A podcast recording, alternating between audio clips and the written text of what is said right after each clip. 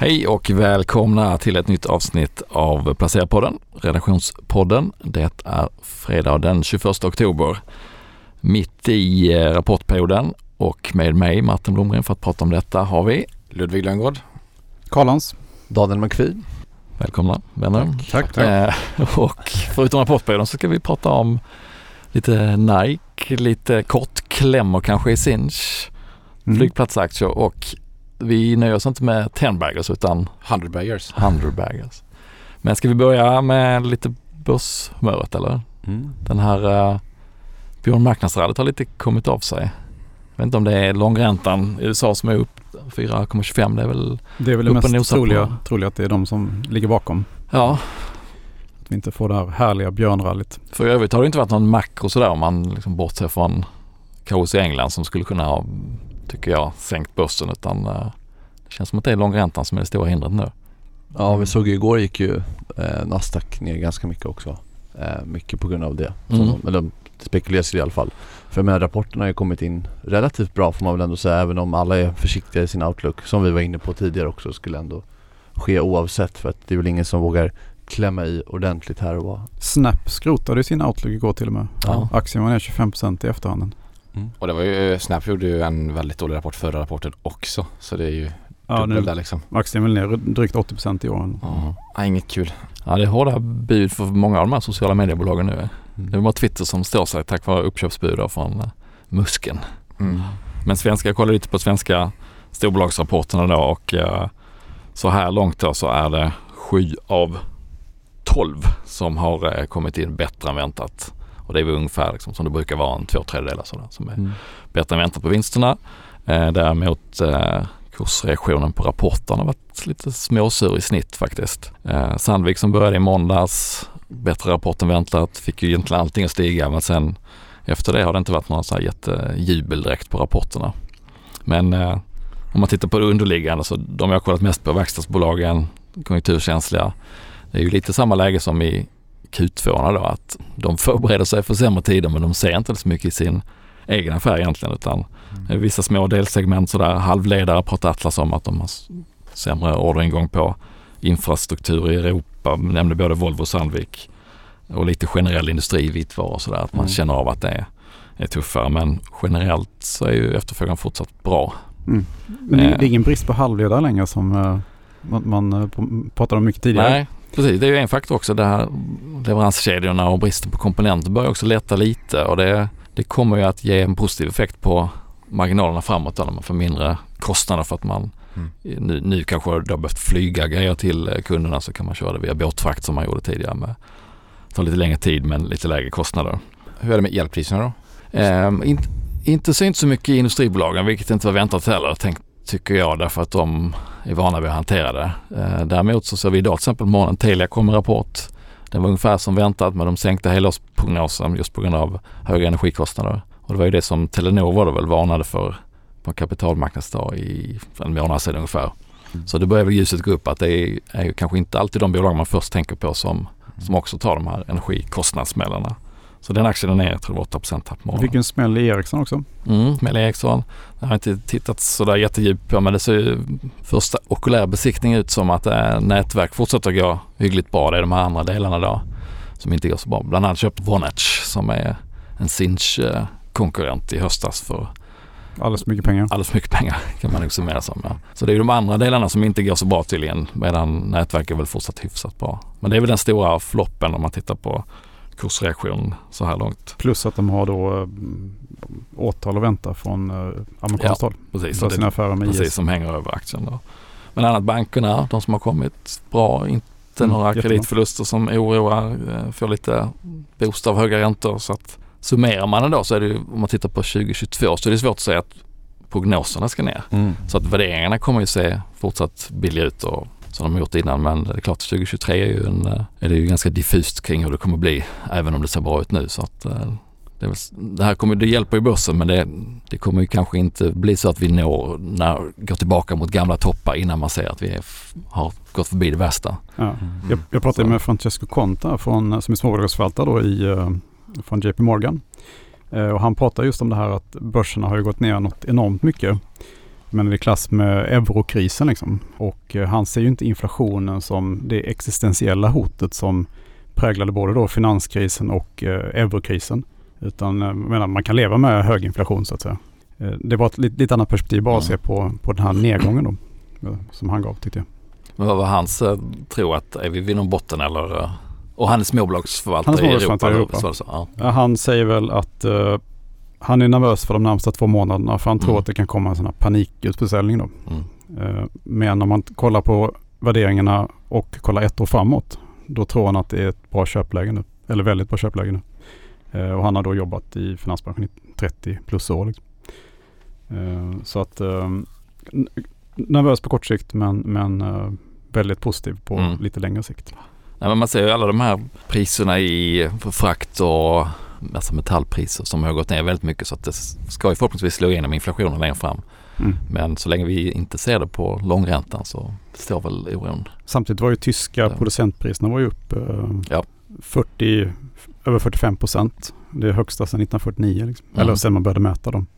Eh, och det kommer ju ut i- som KPI-inflation förr eller senare till Ja. konsumenten.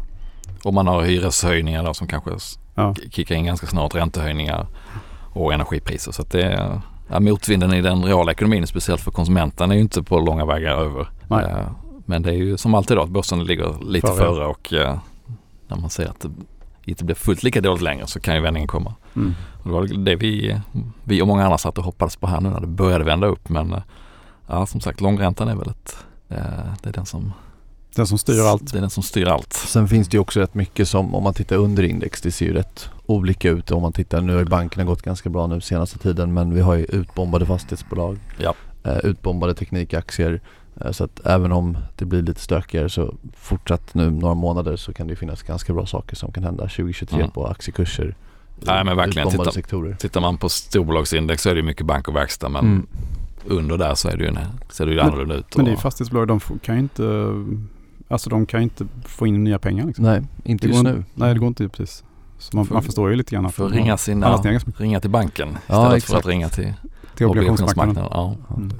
Men är det några rapporter ni har tittat på eller fastnat för så här i... Jag har ju tittat på Nike, eller Ja. Nike, Ja. eh, som eh, visserligen rapporterade sitt första kvartal då eftersom de har brutit, som gick ut här i augusti.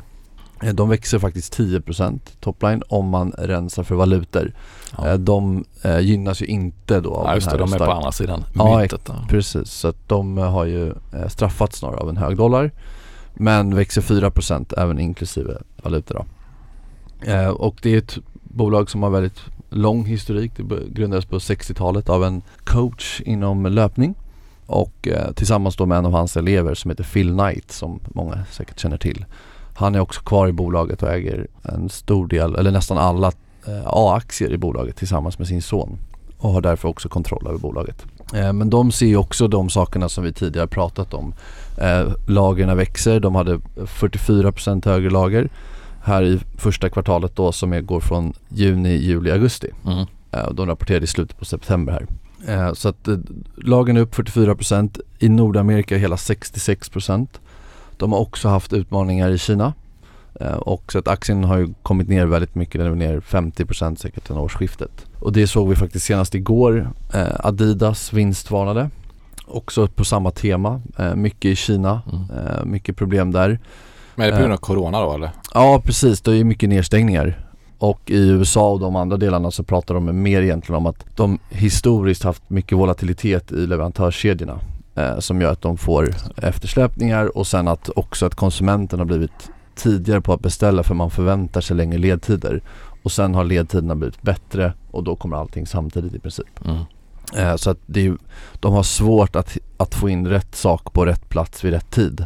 Eh, och det är väl det som är hela deras utmaning egentligen. De säger också att de kommer behöva rea ut vissa delar men inte så mycket som man kan tro för att mycket av det är just det här lagget då som vi ser. Så att de, i alla fall fram till sista augusti då, såg en fortsatt stark konsument i USA.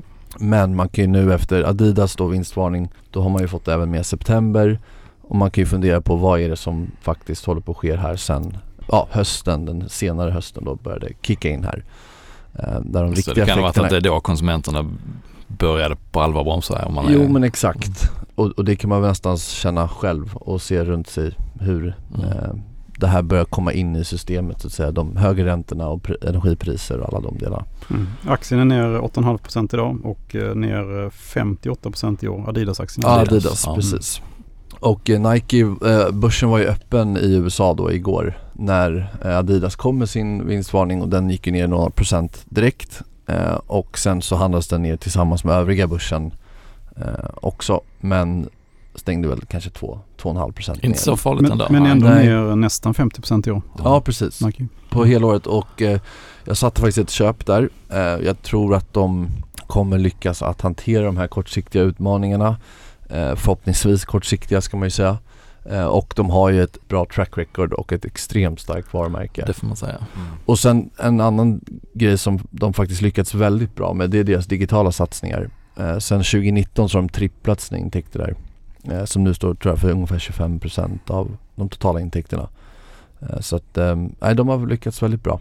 Eh, så att sen som sagt man får ju se retail kanske inte är det första man vill köpa just idag men eh, tanken är väl att det är en, en stor del som är diskonterat i kurserna. Det men kanske det är är- något man ska bottenfiska i. Eventuellt. Det är ju som du säger, urstarkt varumärke. Det kommer inte att gå under på grund av att konsumenterna blir försiktiga några kvartal eller månader eller år. Men, eh, och att då börsen har tagit ut ganska mycket i förskott redan ju. Man är Mm. ner 50 procent. Hade, hade det här kommit från ingenstans så hade ju Nikes kursreaktion varit helt annorlunda om, om det inte redan hade varit ner så mycket. Exakt, precis. Så Så att, att- eh, nej men det, det är väl så mina tankar går. Kinnevik vet jag att du kollar på. Är det Ja. något du vill sjunga ut om? Absolut. De, Eh, de har ju, ja de rapporterade i onsdags, eh, gjorde de. Eh, och där blir det ju med att de rapporterar egentligen ja, hur substansvärdet ser ut och vad de har för sig, i, har gjort i kvartalet eh, och tankarna framåt. Eh, de gjorde en lite större förändring förra året när de delade ut eh, Zalando eh, till alla aktieägare och valde att snarare fokusera mer på eh, tillväxtbolag inom den privata miljön. I efterhand kanske det inte var den perfekta tajmingen. Eh, Perfekt timing att lämna Zalando kanske men de Precis. Ja den är väl Pengarna ner kanske skulle- 80%, ja. stoppas Ja, någon exakt. annanstans. Den är ner 70% tror jag sen. Eh, Skulle de köpt Swedish Match för pengarna istället? ja, eller dollar. Eller dollar ja. Nej men eh, så att, eh, ja så de har fokuserat mer på det. Eh, de har ju ungefär 25 onoterade innehav i olika, del, eh, olika sektorer men fokus är då på digitala tillväxtbolag. Deras substansvärde var ner 5% jämfört mot förra kvartalet och substansvärdet ligger idag på 207 kronor. Viktigt också att säga att den handlas faktiskt runt 140 vilket innebär att det finns en ganska kraftig rabatt på ungefär 30% Mm. vilket också är ganska lågt sett historiskt. Eller hög, hög rabatt då ska jag Ja, säga. ja. De, den största nedskrivningen de gjorde det var på Mathem, eh, det vill säga dagligvaruleveranser på nätet som inte har gått särskilt bra men framförallt inte heller deras peers som där de också ja, ställer dem mot varandra för att se hur de ska värderas. Även norska Oda som är störst i Norge på eh, matleveranser på nätet eller Ja just det, det är deras mathem eller Ja, exakt. Mm. var ner med en nedskrivning om 50%. De har också nu bestämt sig för att fortsätta investera lite mer, eller börja investera kan man säga. De har gjort det tidigare men investera ännu mer i det som de kallar för climate tech, klimat... Green tech. Ja, green tech, exakt. Och deras största investering eh, under det här kvartalet var en halv miljard i amerikanska Sologan eh, som jobbar med kemikalier, tillverkning av kemikalier eh, på ett fossilfritt sätt. Och sen har de även faktiskt investerat 25 miljoner euro i H2 Green Steel och gjort en investering på ungefär 100 miljoner i en klimatfond. Mm. Så att det är ett nytt litet område. De har ju ungefär sex eller fem områden som de delar upp sina onoterade investeringar i.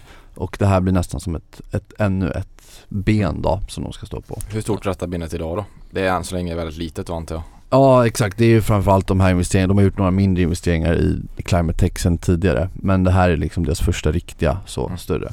Så att, ähm, ja men jag skrev det där, det är kanske, det kan uppfattas som lite spretigt. Eh, det är en bred portfölj samtidigt så kan man ju hävda och, och jag även tycka att om man ska vara i onoterade tillväxtbolag så kan det vara, finnas en fördel att vara bred. Sen hur bred, det är väl Mm. svårt att säga. Och så har de Tele2 och en jättekassa som lite ankare i... Ja exakt, de har ju 12,5 miljarder i nettokassa. Mm. idag. Eh, Så att de har också för avsikt att investera ungefär 5 miljarder per år. Mm. Vilket gör att de kan hålla den här takten ungefär ja, två Mm. år till då. Det kanske blir lite nyemission av de här bolagen låter det som. Ja exakt. Re, faktiskt redan Babylon som de Mm. också äger eh, gjorde nyemission här. Det var ju efter kvartalet då. Men där var de med och tecknade. Det var ungefär 100 miljoner då, som de tecknade. Lite mindre. Men eh, nej så att eh, Tele2 som du säger som delar ut mycket pengar som inte heller gått jättebra på börsen senaste tiden. Eh, och sen har de en nettokassa så att det finns ju bra utrymmen att göra fortsatta Mm. investeringar. Eh, dels täcka upp de befintliga eller om man hittar andra bolag i det här klimatet som kan vara intressant. Även om värderingen har kommit ner ganska mycket i de onoterade tillväxtbolagen så finns det säkert lite till där. Eh, Men det är också de här klimaten som förhoppningsvis de bästa affärerna görs. Mm, mm. Ja men Ludde, Tenbaggers, inget för dig. Nej, det är för, det är för dåligt. Behövs 100 Det baggers. är för wimps. Ja, Ja. nej. Nej men en 10 bagger är också väldigt bra investering. Det är ju 1000 procent säger Ja. man ju. Eh, Tio gånger pengarna. Tio om pengarna, exakt. Och eh, jag har kollat in en bok här som heter 100 baggers som är skriven av en eh, gammal fondförvaltare, eller han, han är i en fond nu också, han har grundat oss. Och det här baggers då, det kommer från eh, baseball. Mm. Och vet ni vad en four-bagger är? Eftersom jag läste din artikel så vet jag det. Ja, det är En homerun. en homerun, exakt. Och det här begreppet tenbagger då, det kommer från Peter Lynch bok eh, One Up on Wall Street där han nämner tenbaggers då som han letar efter. Men eh, Chris Mayer då som har skrivit den här boken han fokuserar istället på 100 baggers, alltså 10 000 gånger pengarna. Och de här är väldigt sällsynta att hitta då, men i den här eh, boken tar han upp vad som kännetecknat de här historiskt och hur man hittar dem då. Eh, så jag har tagit ut lite grejer från boken och eh, försökt eh, få det lite övergripligt då vad det handlar om. Och den första grejen han såg då som en, ja, något gemensamt för de här bolagen det är att det var små bolag. Det gick liksom inte att ha Microsoft och Apple då. Det är väldigt Nej. svårt att tänka sig att de ska gå 10 000 gånger pengarna. Hur små då? då? Eh, Han säger att det ska vara ett börsvärde mellan 300 miljoner dollar till en miljard dollar. Och, ha, och då ska man väl kolla på de här, alltså inte de här minsta bolagen, så nu menar vi inte biotechbolagen utan nu ska det vara bolag som har en produkt och säljer grejer. Mm. De behöver inte vara lönsamma men det ska, ska finnas någonting i det. Det kan inte liksom Mm. Ska en affär, affärsmodellen är igång och funkar liksom. Exakt. När du har hittat ett litet bolag då så ska du försöka hitta de som kan gå på det, här- de här två motorerna och ha en hög return on invested capital, alltså en ROIC. Mm. Eh, och den första motorn han snackar om då det är eh, tillväxt då. Omsättningstillväxt är viktigt. Så om du inte växer omsättningen då kommer du aldrig kunna bli en 100 bagger. Det är ganska självklart. Så den är viktig och det är ju dessutom en bonus ifall man lyckas få ner det här på sista raden också. Att de växer under lönsamhet och har en sån här marginalexpansion samtidigt. Då har du ju, det kan man också säga en typ av motor men den, är inte nödvändig. För om vi tar till exempel och kollar på My, eh, Amazon som är ett väldigt stort bolag i Amerika som alla vet. Så återinvesterar de alltid sina kassaflöden och byggde upp det här företaget då för att kunna bygga upp konkurrensfördelarna Mm. och kunna ha en hög eh, return on sitt investerade kapital. Och om du gör det under en väldigt lång tid då har du ju liksom möjlighet att bli den här 100 baggern. Tänk på att det inte nödvändigt behöver vara höga marginaler på dessa bolagen. Så det kan vara liksom att de har skördetid senare. Och sen nämner han också att eh, utdelningar och aktieåterköp är ingenting man ska leta efter heller i dessa bolag för det det är ju bara, vad var det han sa i en podd här, liksom på någon podd där han berättade att det var som ett hål i båten. Mm. För man vill liksom ha, man vill återinvestera allt kassaflöde i verksamheten. Och den andra motorn, det är multipel expansion. Så om vi tar till exempel ett bolag som har P 15 och så säger vi att deras vinstmarginal är ja, 15% och den är konstant nu under hela tiden. Och så växer vi omsättningen med 100% alltså dubblerar den. Då har vi en, eh, allt annat lika då, en eh, uppåtgående aktiekurs på 100%. Men om vi dessutom lägger till att multipeln samtidigt som detta händer, alltså att vi växer omsättningen med 100% eh, dubbleras till 30. Då har vi en eh, kursuppgång på 300%. Så det, är ganska, det blir ganska kraftfullt när dessa motorer går samtidigt. Och det är också en viktig del man ser i de här bolagen. Så om du hittar lite mer till exempel lite min, mindre bolag som är ganska oupptäckta. Då kan du ju få de här båda, båda sakerna samtidigt. Men han är också en förespråkare av att, lite här Warren Buffett-stilen då, att man ska köpa ett fantastiskt bolag till en, en rimligt pris. Mm. Snarare det liksom än att köpa ett eh, ganska mediokert bolag till ett eh, väldigt billigt pris. Mm. Så kvalitet är väldigt viktigt. För det som händer om du köper ett bolag för dyrt är att du, du kan få den här motorn mot dig då. Alltså multipelmotorn. Och då förstör du ju avkastningen liksom. Det kan man ju säga att vi har sett i år då i Ja. ganska många fall där man har Mm. kommit in på en jättehög värdering och sen går vinsten ner och även multipeln samtidigt och då blir det ju precis Jag menar om du liksom Då går har spiralen på andra hållet. Precis, om du har liksom ett bolag som har väldigt hög multipel, bra tillväxt och bra marginaler och så vänder allting på samma gång. Då blir det jäkla slakt liksom. Mm. Eh, Så det vill vi inte ha. Sen pratar vi även om eh, ägare och ledning. Att det är oerhört viktigt med skin in the game som man brukar säga, pilotskolan. Att de, Huvud i leken. ja exakt. För om, om vi har liksom som du säger Karl, då har eh, ledningen ett långsiktigt incitament att skapa aktieägarvärde om man själva sitter i båten. Alltså Ma- Meyer då, som skrivit boken, han förespråkar att ägarna dessutom ska vara grundare. För de har liksom bättre koll på verksamheten än någon som bara kommer in. Eh, Så man vill inte ha med kortsiktiga mål utan man vill ha långsiktigheten vill man se. Summa summarum så vill vi ha alltså en, en ledning som är duktiga kapitalallokerare. Så vi ska få de här höga return on invested capital. Mm. Och sen gäller det när du väl har hittat den här då och identi- identifierat eh, den här eh, potentiella 100-bagen. Då ska du vara långsiktig. I snitt tog det 26 år att, för en aktie då att bli en sån här 100-bagger. En aktie som går upp väldigt mycket får väldigt mycket uppmärksamhet. Och då, det kan ju ha med att fundamentet går bra då. Men om en aktie är stilla eller underpresterar då säljer många investerare de här aktierna. För att man blir otålig. Och det menar det är livsfarligt liksom. Mm. Så länge alltså fundamenta och allting går som det ska då ska man bara behålla eller kanske till och med köpa mer. Så det är en grej då. Och här tar ni exempel på Monster då som Karl här har eh, som köpvärd aktie va? Ja, det stämmer faktiskt. Och det blev en eh, 100-bagger på 10 år. Men man kunde se under den här perioden att aktien var ner många gånger över 20% och eh, en gång till och med 40%. Om som investerare som höll kvar den här aktien då så kunde man få en 100-bagger. Så det gäller att vara långsiktig och bara ja, hålla i det. Han var väl också inne där just på tal om det och det året vi har haft idag att man nu i efterhand så känns det som att man inte skulle kanske ignorera makro allt för mycket men det är väl också en sån grej han är inne på att Mm. man inte ska bli allt för distraherad av makro. Ja precis, det säger han det är nästa punkt här. Eh, ignorera makro då. Att eh, om du ska försöka hitta en 100-bagger så kommer det vara otroligt svårt. Så det är ingen idé att du eh, Ja det blir liksom ännu svårare ifall du ska lyssna på massor med makroanalytiker och gissa på vad Fed kommer höja räntan till nästa år och så vidare. Så det ska vi också strunta i om vi ska leta efter 100-baggers. Och sen tillägger han även att det krävs en del tur. Mm. Så det måste vara en del tur för att kunna hitta dessa. Men om du liksom hittar en enda liksom så kan du bli otroligt förmögen. Mm. Så väl det budskapet han hade i boken. Ja, spännande. Sen Sinch då som var i den här negativa spiralen i år men verkar ha piggnat till nu kan, kan jobba sig dit. kanske blir en. Nästa bok, ja. Ja.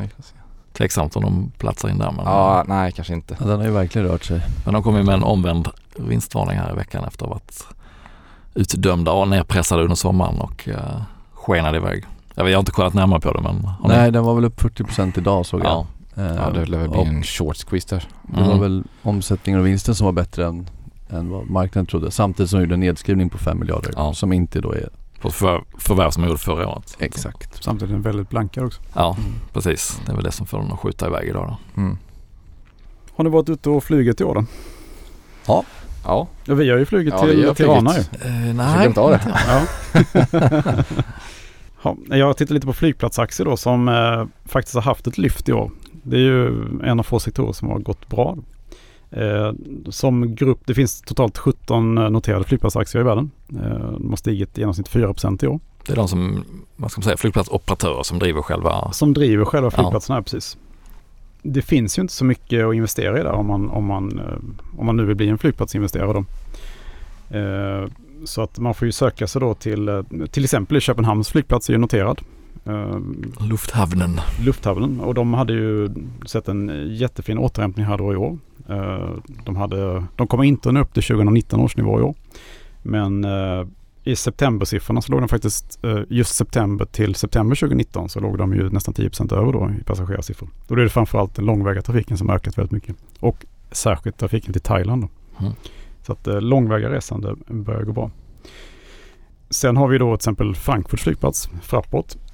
Det är då exempel på en flygplats som har flygplatsaktier som har gått väldigt dåligt i år. Eh, Men här ligger ju väldigt mycket bakom då att de ägde hälften av Sankt Petersburgs flygplats, Pulkovo. De har gjort en väldigt kraftig utlandsexpansion då de senaste 10-15 åren. Så att de har dragit på sig mycket skuldsättning också. Eh, Och eh, allt det här sammantaget har gjort att investerarna blivit eh, oroliga för balansräkningen helt enkelt när det gäller Fraport. Samtidigt då är det inte alls så akut. eh, det, det, det är liksom ingen nyemission som är akut förestående i alla fall. För de har liksom mycket i ladorna då. Plus att eh, förutom att de då skrev ner värdet på Pulkovo i Sankt Petersburg så har ju eh, Grekland gått väldigt bra. De äger 13 regionala flygplatser i Grekland. Jättefin eh, turistströmmar dit i år. De äger ju hälften av flygplatsen i Antalya till exempel också gått jättebra. Hållit uppe trafiken. Eh, alltså det är en, en speciell nisch inom infrastrukturinvesteringar då kan man säga att, att eh, hålla sig till, till flygplatser. Eh, det som är bra med det är väl att det är väldigt, eh, det, det är väldigt, väldigt höga barriärer att ta sig in här. Till exempel då det finns en, en uh, flygplatsoperatörsaktie som heter uh, Aeroports de Paris och de äger liksom samtliga tre storflygplatser i Paris.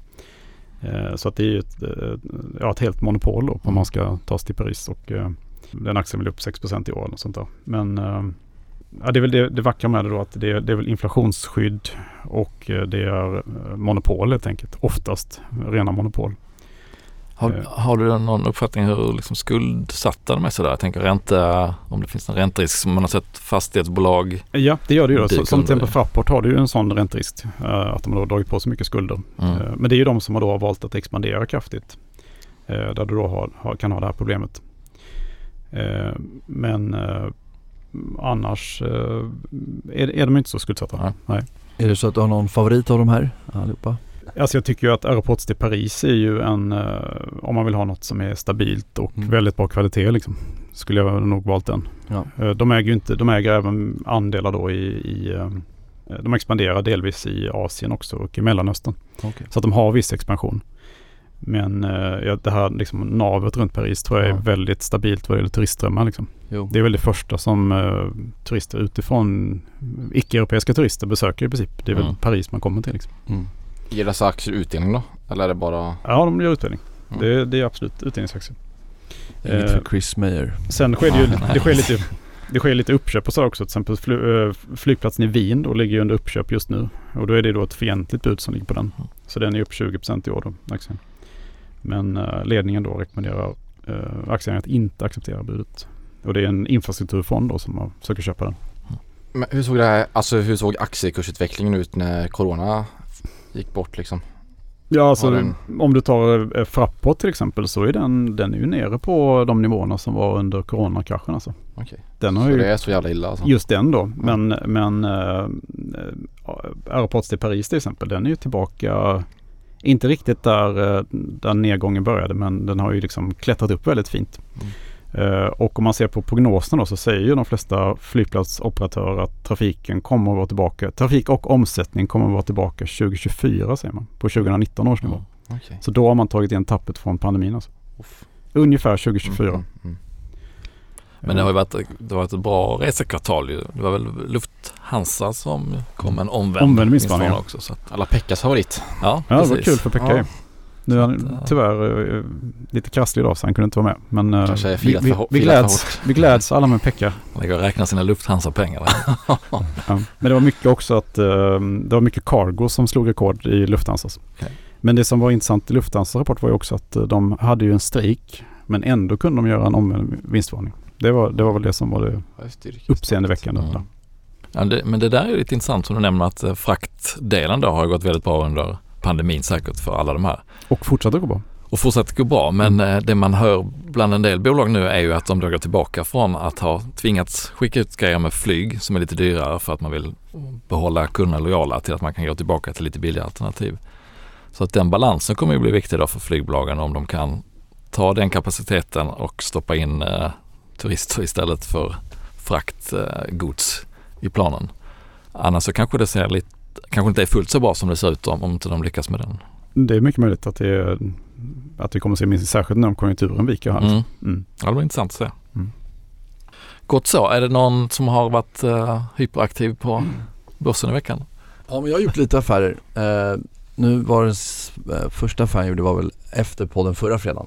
Så då skalade jag faktiskt ut lite grann i Mips. Mm. Eh, eh, men eh, det var mest egentligen bara en liten omallokering. Jag ligger fortfarande kvar med Mips även om jag tänker att det här kommer vara lite tufft här nu kommande kvartal. Eh, men och så köpte jag Troax lite grann. Industrigaller.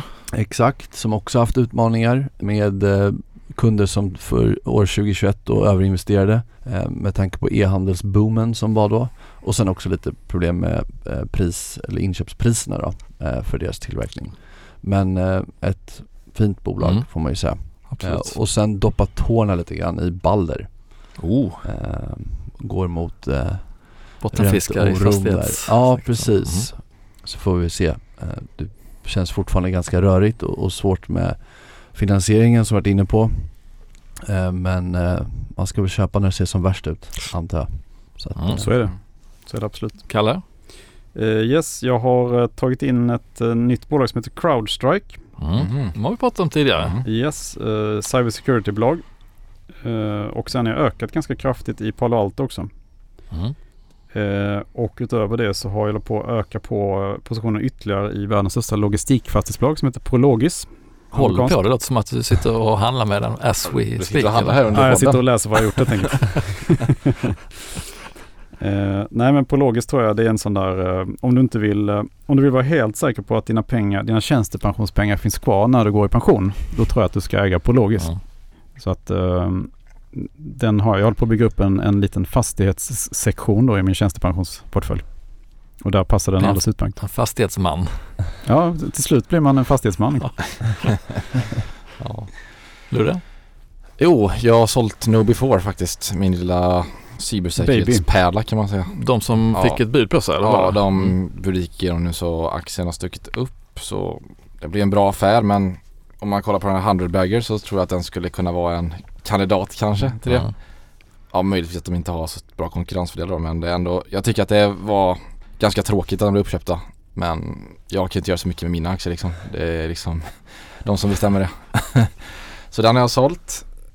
Och sen har jag faktiskt köpt Lifco, Ja. kvalitet. Lite Balder också, precis som Daniel. Och så har jag köpt Intuitive Surgical Mm. som kom med en jäkligt bra rapport här för några dagar sedan. Och så har jag köpt Copart. Här, Som är en av de eh, en av deras, alltså han är Meyers Så det är redan en portföljbolag. 100 bagger. Ja det är redan en 100 bagger. Hur ska men, det kunna bli en 100 bagger till då? Ja det är det som är Kanske får nöja med Frågan. 10. tusen Alltså-. Jag tror man ska se de här 100 bagger som att man ska ha en stabil bas i portföljen och så ska man ha kanske fem stycken sådana här småttingar som kan bli Mm. väldigt stora. Så Mm. jag tror, jag rekommenderar inte någon att liksom, köpa nu eh, 20 potentiella 100 baggers för det Det är De det flesta som, går ju åt det är väl det som alla liksom. har gjort redan liksom. Ja. Och tappat 80% liksom. Ja. Så var lite försiktig med det där. Mm. Ja, det låter klokt. Mm. Eh, Vad har du klar? Nej, jag har inte gjort någonting. Jag är, Du sitter med din stora kassa liksom. Nej, nej. Den, är, den satte jag i spel för två veckor sedan ungefär väl. Så att jag är fullinvesterad. Men du är fullinvesterad. Mm. va? Du måste bli- där liksom. Ja. Ganska bra va? ja, det började ju bra. Securitas. Jag köpte precis Securitas och uh, Castellum köpte jag ju. Köpte jag mer. Var det lite munters? Köpte du under kursen som Akelius handlade på? Nej, jag köpte precis efter han gick in så att eh, några kronor ovanför så att den är väl plus minus noll. Securitas som jag ökar väldigt bra ju där emissionen nu är klar och sådär. Mm. Ehm, så att ja, det har väl blivit bra. Nej men så att eh, inga moves. Du brukar ju vara Det- väldigt eh, så här, känslig vad det gäller uh, timing och så. Så att det här tar jag som ett väldigt positivt tecken. Ja. Ja, vi får väl se. Men det började ju bra med att, att börsen började vända upp lite där. Jag tänkte att det ska nog hålla i sig ett tag men eh, Vi tänkte lite tomterally liksom. mm, jag tänkte det. Fram till jul. Skulle det gå väldigt, väldigt bra här fram till jul då tror jag att man kanske ska vara lite försiktig igen. Men Ja. eh, Då nej, just nu ligger jag kvar. Mm. Inga förändringar. Mm. Skönt. Det, det, tar jag i min positiva bok. ja jag med. Ja, det är bra. nej, men ska vi önska trevlig helg då? Det gör vi. Tack för att ni lyssnar. Absolut. Trevlig Tack så helg. mycket. Hej. Trevlig helg.